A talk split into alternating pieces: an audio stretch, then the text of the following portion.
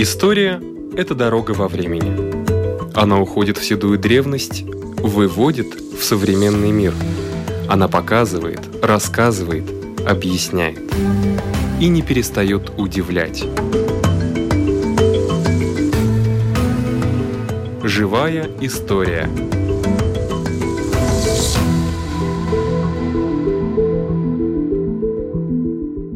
У микрофона Лидия Чера.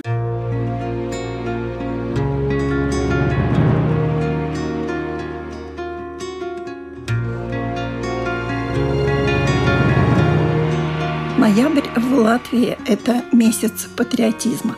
11 ноября – день Лачплесиса, 18 ноября – день независимости. Жаль, что костер рядом с Латвийским военным музеем уже потух, который горел с 6 по 11 ноября. Но как раз эта неделя, которая начинается завтра, будет очень активная, потому что, как запланировано, у нас будут тематические экскурсии – лекции, связанные с историей независимости Латвии. И я говорю это человеку, который с этим непосредственно знаком. Это заместитель директора военного музея Юрис Цыгановс.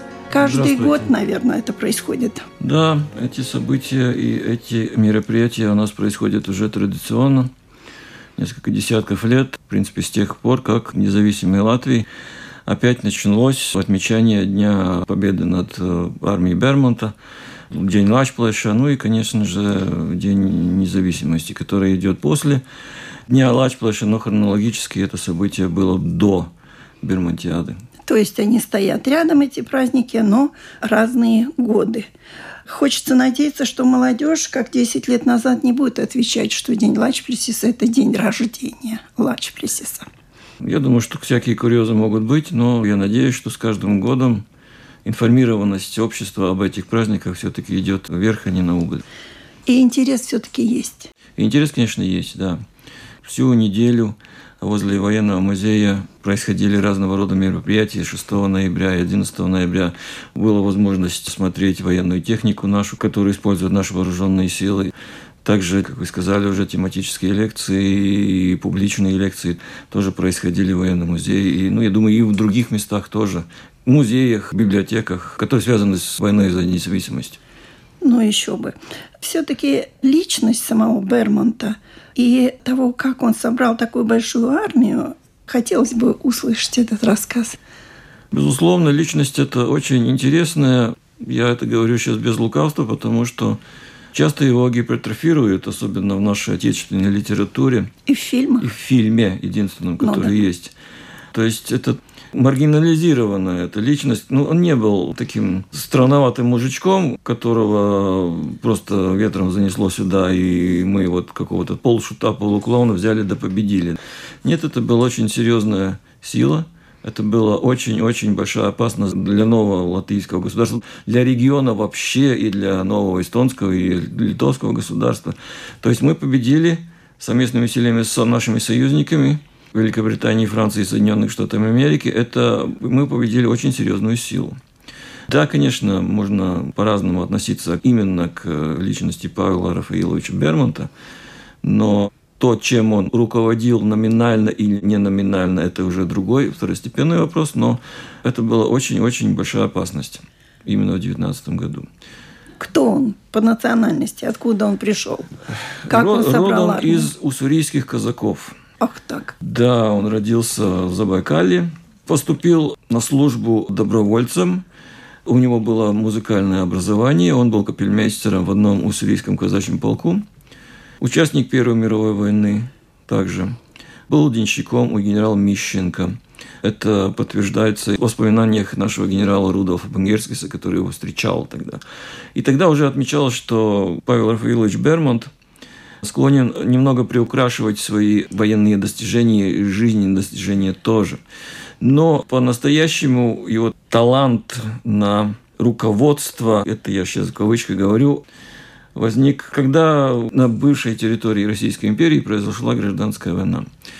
Гражданская война – это время, когда во многих частях России и российских глубинках и на обломках Российской империи возникли самопровозглашенные разного рода атаманы, генералы, полковники, атаман Махно, например, атаман Дутов, Корниловщина. Ну, мы можем разные примеры найти, и Павел Бермонт, он не является каким-то особым исключением из этой всей плеяды. Очутился он в начале 1919 года, после того, как он был вынужден вместе с э, очень многими русскими офицерами и солдатами бывшей русской императорской армии покинуть Киев, потому что Киев взял Петлюра.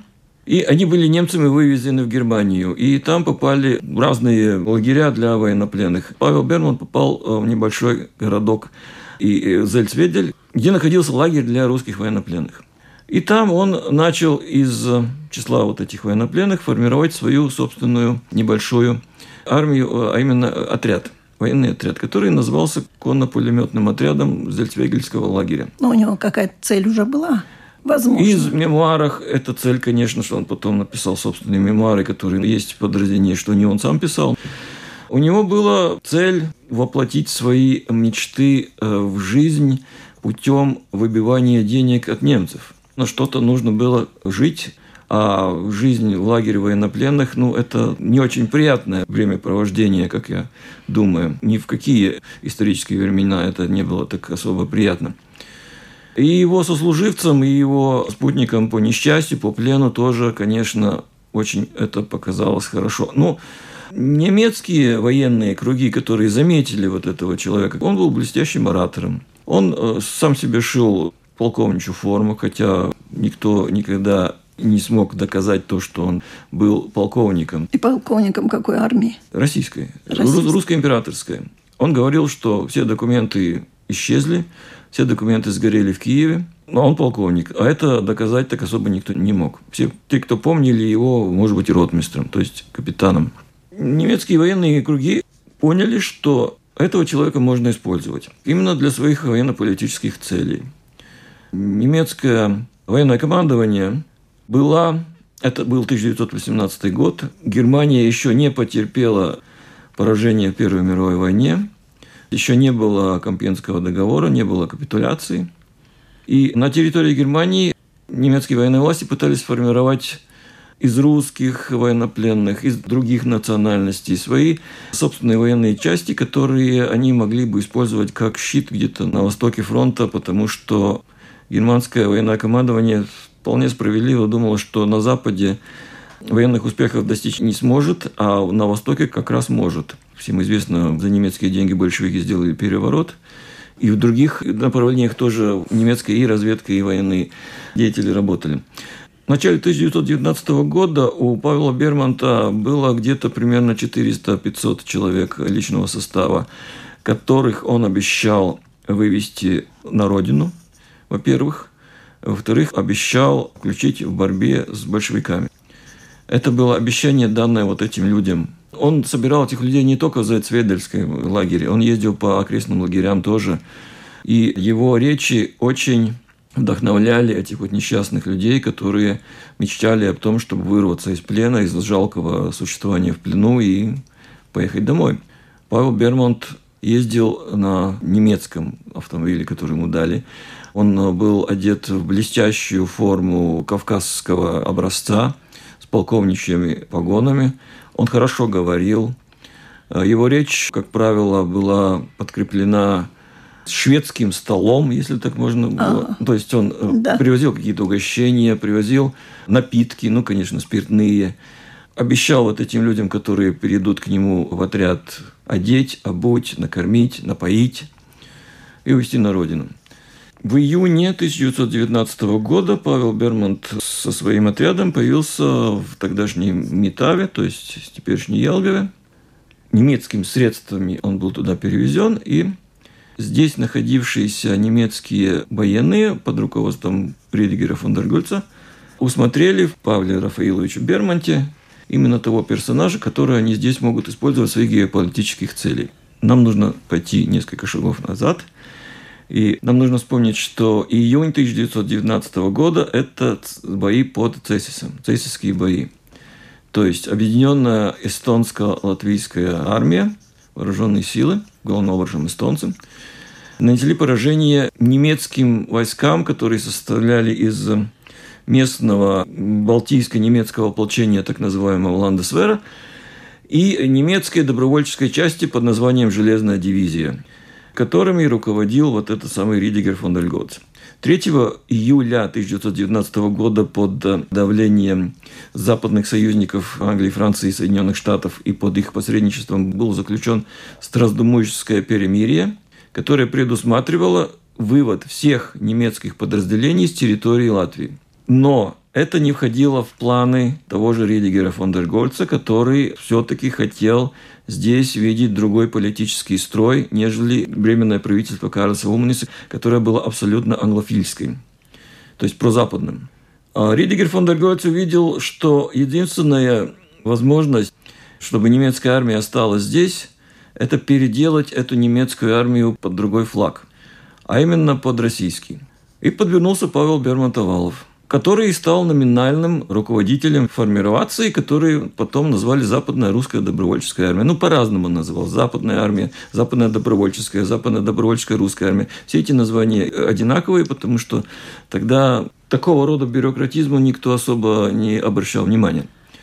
И немецкие части начали массово переходить в русскую службу, так называемую. Как это происходило? Очень неформально. Часто это происходило то, что немецкие солдаты пришивали к рукаву православный крест. И это, в принципе, все. Западная русская добровольческая армия в себя включала примерно 80% немцев и, ну, и 20% тех русских военнопленных, которых Бермонт привез с собой из Германии. Бермонт обещал, что вся эта армия пойдет на борьбу с большевиками. Он это обещал и Деникину, и Колчаку, и тут близ стоящему Юденичу, который стоял под Нарвой и очень-очень нуждался в армии, чтобы планировать и успешно провести нападение на Петроград. В результате его эта акция провалилась. И есть такие предположения, что то, что он не дождался вот этих бермонтовцев, и послужило в большой степени то, что нападение Юденича на Петроград не свершилось.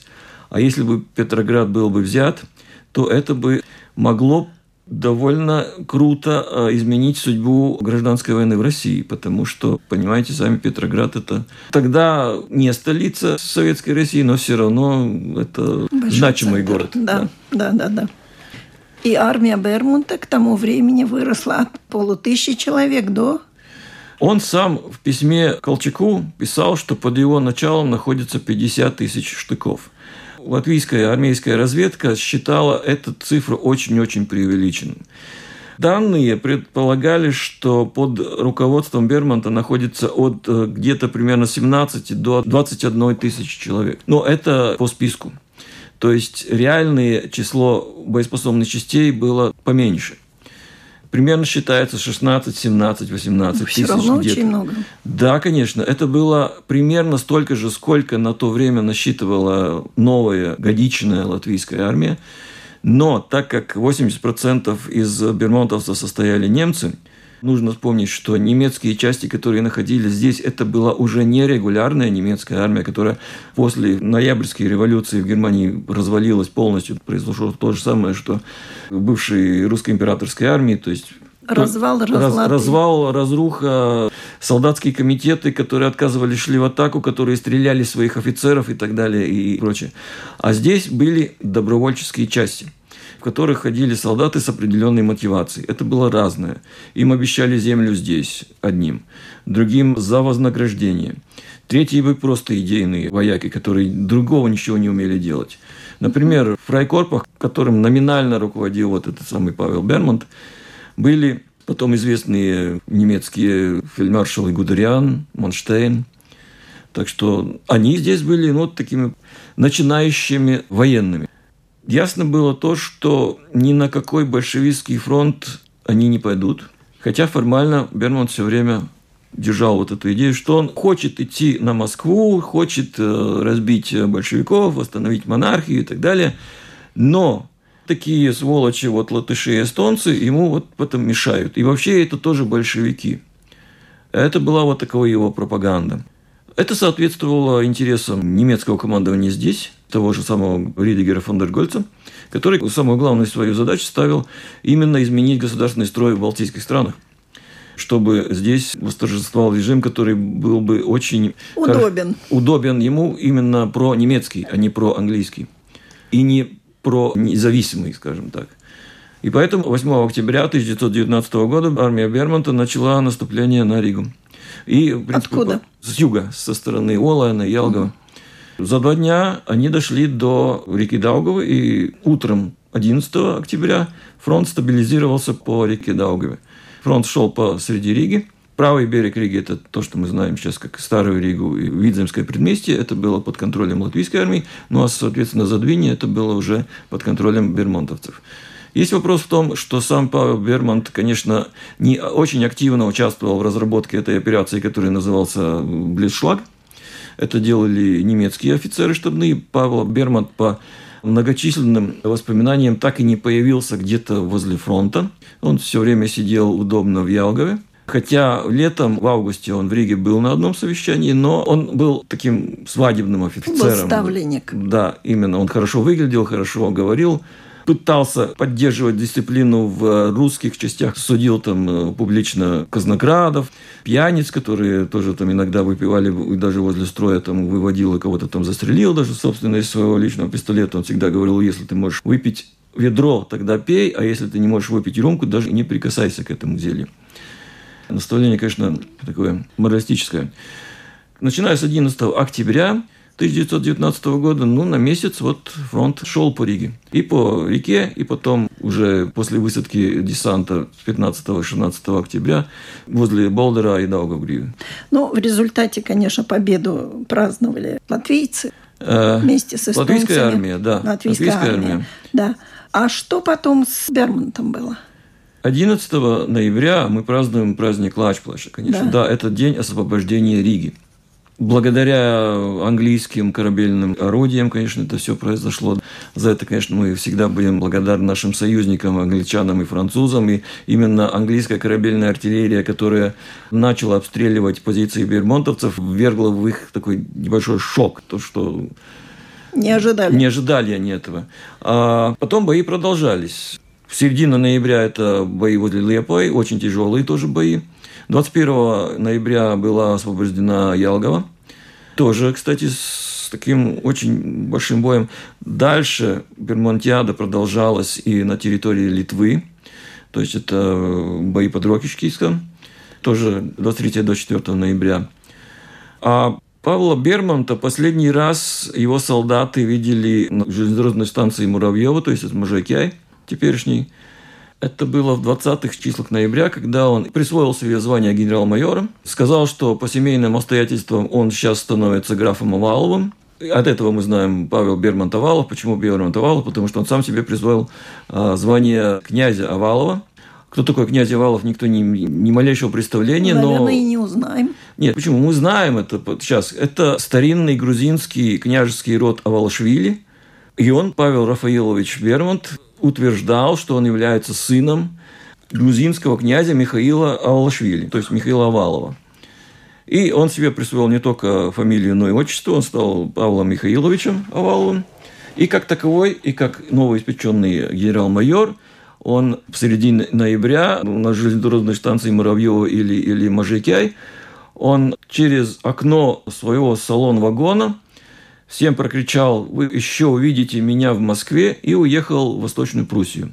Армия Бермонта, то есть западная русская добровольческая армия, под конец ноября уже была довольно потрепана и довольно побита не только латвийской армией, но и литовской. 30 ноября командование принял немецкий генерал Эберхард. И в тот же день латвийское правительство, временное правительство Карлса Умница объявило войну Германии. Особо никто не обратил внимания на это объявление войны. И через полгода тоже очень тихонько было заключено соглашение об восстановлении торговых связей. Это все урегулировалось. Латвийское правительство это сделало с одной только целью, чтобы, возможно, потом можно будет попросить репарации у Германии, когда Германия будет платить эти репарации по Парижскому мирному договору. В Париже происходили разговоры об э, заключении вот этого договора то есть между Антантой и Тройственным Союзом. Нас там не приняли в эту компанию, и, ничего, ничего не было, поэтому мы быстренько заключили вот этот вот договор с Германией. Невыгодно было не поддерживать отношения с Германией. А армию, не то, что осталось от армии Вермонта, она была интернирована в Восточной Пруссии и через год прекратила свое существование. А сам Павел Рафаилович дожил до 1973 года. Во время межвоенного периода он жил в Германии, в бывшей Югославии, в Белграде. Попытался основать партию русских фашистов в Югославии.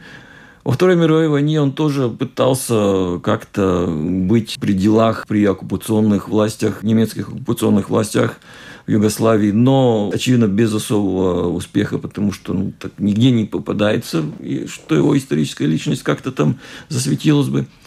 После Второй мировой войны он уехал в Соединенные Штаты Америки. Там занимался комиевожорством, то есть был, сейчас мы говорим, рекламный агент. Продавал, кстати, видеомагнитофоны первые.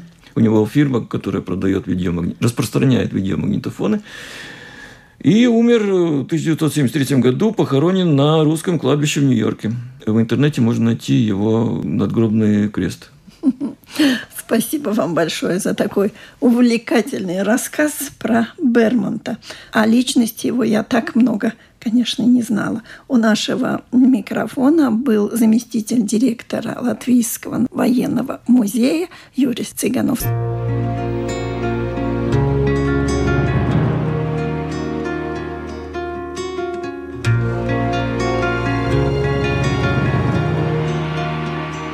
Сколько хожу по старому городу и вспоминаю, где показывали, где текла река Ридзене, в результате которой Рига получила свое название. А вот интересно, куда она все-таки делась? Говорят, что закон сохранения вещества должен работать в любом случае. Значит, где-то эти воды, наверное, есть. Историк Ирина Стрелла. Вопрос действительно, где у нас пропала река Ридзене, потому что название есть город Рига, Ридзиня, Ридзене, а самой реки, когда мы ходим по городу Риги, особенно по Старой Риге, мы больше в Старой Риге ни одну реку не видим. Осталось только название Рига, Ридзене, Ридзиня. И река Ридзене, она никуда не пропала, ее просто засыпали, но это не значит, что она умерла, что ее полностью нет, потому что там, где она текла, там еще что-то происходит. Дома, которые построены на засыпленной реке Ридзене, очень часто им вымывают подвалы, очень часто там какие-то ручейки появляются, какая-то неизвестная вода. Дома ломаются, большие трещины появляются. Ну, как на болоте, потому что такую живую реку полностью засыпать и уничтожить, я думаю, что в природе это, наверное, невозможно. Это что, 18-19 век? И по какому поводу ее засыпали? Начали ее засыпать в шведские времена, это в 17 век, и смертный приговор нашей реки Ридзени сделал наш сегодняшний городской канал или бывший крепостной ров. И вот когда шведы в 17 веке завоевали Ригу, тогда Густав II Адольф, шведский король, он первое, что он понял, что надо перестраивать всю оборонительную систему, и он начинает строить вот эти земляные валы, бастионы, но это уже было и раньше, но в принципе он это все завершает, и вокруг бастионов был выкопан крепостной ров. Он был примерно три раза шире, чем сегодняшний канал. Длина крепостного рова была три километра и еще немножко там метров. И вот он перекопал реку Ридзени, потому что река Ридзени, она у нас со стороны Пурцемса текла по сегодняшней территории, там, где улица Авота, там, где улица Дзирнову. Ну и там, где Бастионная горка, там эту реку Ридзени перекопал этот крепостной ров. И вот сейчас вода течет там сверху с Пурцемса, и по дороге ей попадается вот этот крепостной ров. А течение крепостного рова, ну как река Даугава нам течет, если он начинается около Риб рыбного рынка, значит, течение идет оттуда, и потом течение крепостного рова заканчивается там, где у нас сейчас пассажирский порт, где Таллинг стоит. Да. И вот это течение этого крепостного рова собирает сейчас воды реки Ридзени и уносит там, где у нас пассажирский порт. И вот этот участок реки Ридзени, который остается в Старой Риге, там уже свежая вода не попадает, потому что она вся уходит в крепостной ров, и поэтому там она становится такая стоячая, вонючая канава, плюс еще все рижаны там отходы выбрасывают, ну и поэтому и запахи, и болезни, и грязь, и поэтому уже в 17 веке начали его медленно засыпать, с обоих сторон засыпают, ну и так до середины 19 века. И последние века река Ридзина уже была такая, как канализационная труба, все отходы, вся грязь у нас была в этой реке Ридзени. И поэтому мы и сегодня еще часто вот эти маленькие решетки, которые на улице есть, да. там, где у нас вода стекает, когда дождь да. большой. Старые люди, например, Александр Чакс или Даглаус Рига, поэты, они очень часто их называли Ридзиняс, потому что действительно последние сто лет это было как канализационное место, где стекали все эти грязные воды. Так да. что такое прозаичное, ну не очень-то красивое, ну, конец нашей реки Ридзени. Тот же самый канал, который вырыли, он иногда тоже напоминает что-то подобное, когда начинают сбрасывать туда всякие нечистоты, тоже не очень приятного вида. Но Аритина, значит, она где-то под низом, все-таки мы ходим по ней. Мы ходим, и мы очень хорошо знаем, где река Рицина находилась именно в Старой Риге, потому что в Старой Риге проходили в многих местах археологические раскопки, и археологи точно знают, какая была ширина, какая глубина была реки Ридзены, потому что ведь река Ридзена, она же была первый порт города да. Риги, и берега реки Ридзены были укреплены деревянными сваями, и когда мы что-нибудь строим, копаем в земле, мы это все находим. Так что мы можем сказать, да, что река Ридзина местами она была почти 60 до 100 метров шириной. Это была нормальная большая река, по которой плавали корабли. И мы знаем, что корабли могли доплыть до сегодняшнего площади Ливу. Там был найден и утонувший корабль. Также мы знаем, что корабли были найдены на месте, где у нас сейчас универмаг Центрс. Это тоже построенный на засыпленной реке Ридзене. Там, где тоннель, когда когда мы идем от универмага центра в рынок, там тоже был найденный корабль, но это единственный корабль, которого мы можем и в музее увидеть. Остальные упомянуты в документах, упоминания есть, но такие, чтобы полностью исследовать, это у нас только один корабль. Так что не было такой маленькой речки, которая текла. Нет, большая река, это первый порт города Риги, находился на берегу реки Ридзены. И только в XIV веке, когда кораблев стало все больше и больше, тогда этот порт порт переходит на берегу реки Даугави напротив Старой Риги. Ну а третий порт города Риги, это у нас сейчас с Вантового моста до моря. Так что начало у нас на берегу реки Ридзени. Река всегда остается все-таки, где-то она себя показывает. Мне кажется, когда в Даугве поднимается вода, то и, наверное, и в Ридзене поднимается уровень воды. И это знают жители старого города по своим погребам наверняка. То, что у нас рядом река Даугава, и то, что если есть наводнение, если вода поднимается в Даугаве, я думаю, что древние рижане, конечно, они это все сразу почувствовали, и вода реки Ризани поднималась. Это также, что мы сегодня видим, когда мы идем вдоль городского канала, ведь есть у нас, когда у нас уровень поднимается там на метр, и уже кажется, что еще немножко, и будет уже улицы тоже под водой. Так что уровень воды, они же вместе связаны, и это все отражается на жизнь города Риги. Раз уж мы заговорили о старом городе, о старом городе, мне кажется, можно говорить вечно, всегда найти что-то новое. Какие свидетельства есть в старом городе? Может быть, самые старые здания?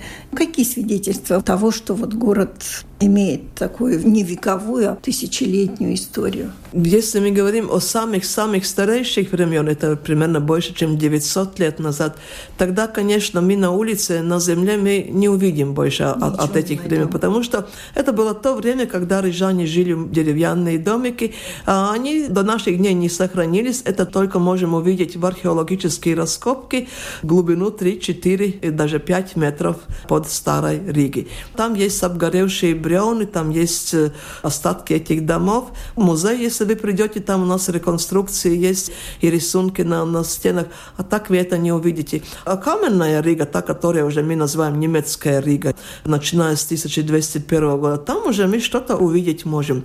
Очень мало, но немножко есть, потому что большинство то, что мы видим сегодня в Старой Риге, это все-таки 17, 18, 19 новые времена. А из старых времен это наши самые старые церкви, Домский собор, Якоба, Яня, Юра, Базниц.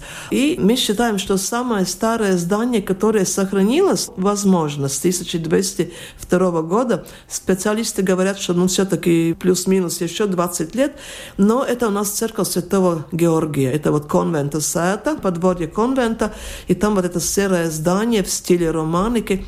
Там действительно очень много, что еще сохранилось с начала 13 века. Те же самые наши церкви, Домский собор, там Якоба, Петра, они же пострадали несколько раз в войнах, наводнениях, в пожарах, и они несколько раз перестроены, там что-то сохранилось, конечно, подвалы еще много сохраняется, но именно на улице вот эти остатки средневековья, это ну, такие маленькие островки надо искать в Старой Риге. У нашего микрофона была историк Ирена Стрелла. И спасибо вам за экскурсию виртуальную по старому городу. На этом наша передача заканчивается. Всего вам доброго.